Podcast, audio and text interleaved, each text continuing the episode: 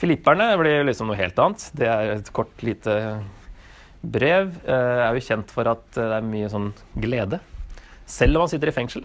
Så han er i Roma, sannsynligvis, da.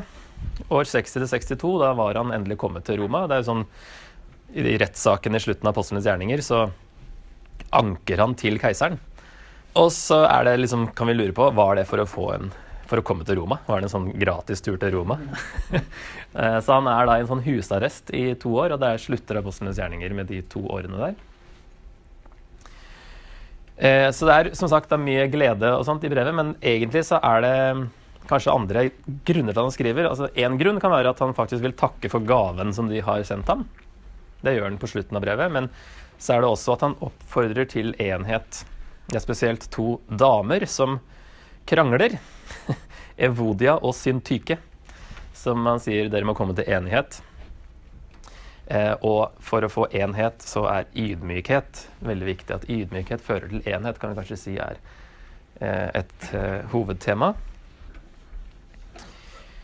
Ydmykhet er ikke å sette eh, altså det er å sette andre høyere enn seg selv. Eh, og det er jo ikke det å tenke mindre om deg sjøl, men tenke mindre på deg sjøl. Her nevner Paulus noen fire eksempler på ydmykhet, og han nevner seg sjøl som et eksempel. Eller han sier jo ikke at jeg er et eksempel på ydmykhet, men han, han blir det i brevet her. Han kaller seg sjøl en tjener.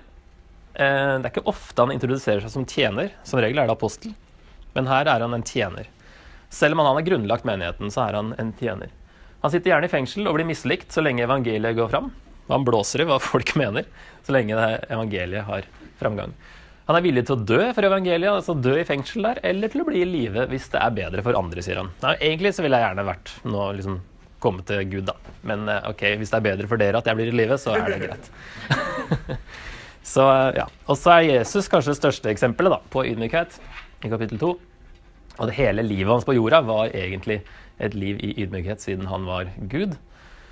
At det blir en maksimal avstand fra himmelen til korset, også fordi kors ordet kors var så støtende at det ikke ble nevnt av romerne engang.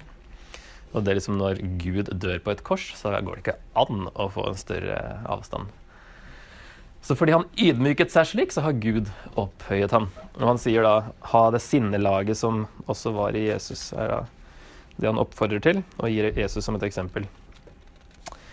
Og så er det to andre. Timoteus, senere i kapittel 2. Han er en av de få som ikke er opptatt av sitt eget, sier Paulus, men av Jesus' sak. Og han setter evangeliet og andre foran seg selv. Og så er det en litt mindre kjent som heter Epafroditus, også senere i kapittel 2, som da virker mer bekymra for filipperne som hørte at han var syk, eller enn over seg selv som faktisk var dødssyk. Risikerte livet for å fullføre oppdraget og døde nesten for Jesus skyld. Så de fire er nevnt i brevet, som blir da eksempler på ydmykhet. Det er splittelser i mange menigheter Paulus skriver til, og ydmykhet er viktig for å skape enhet.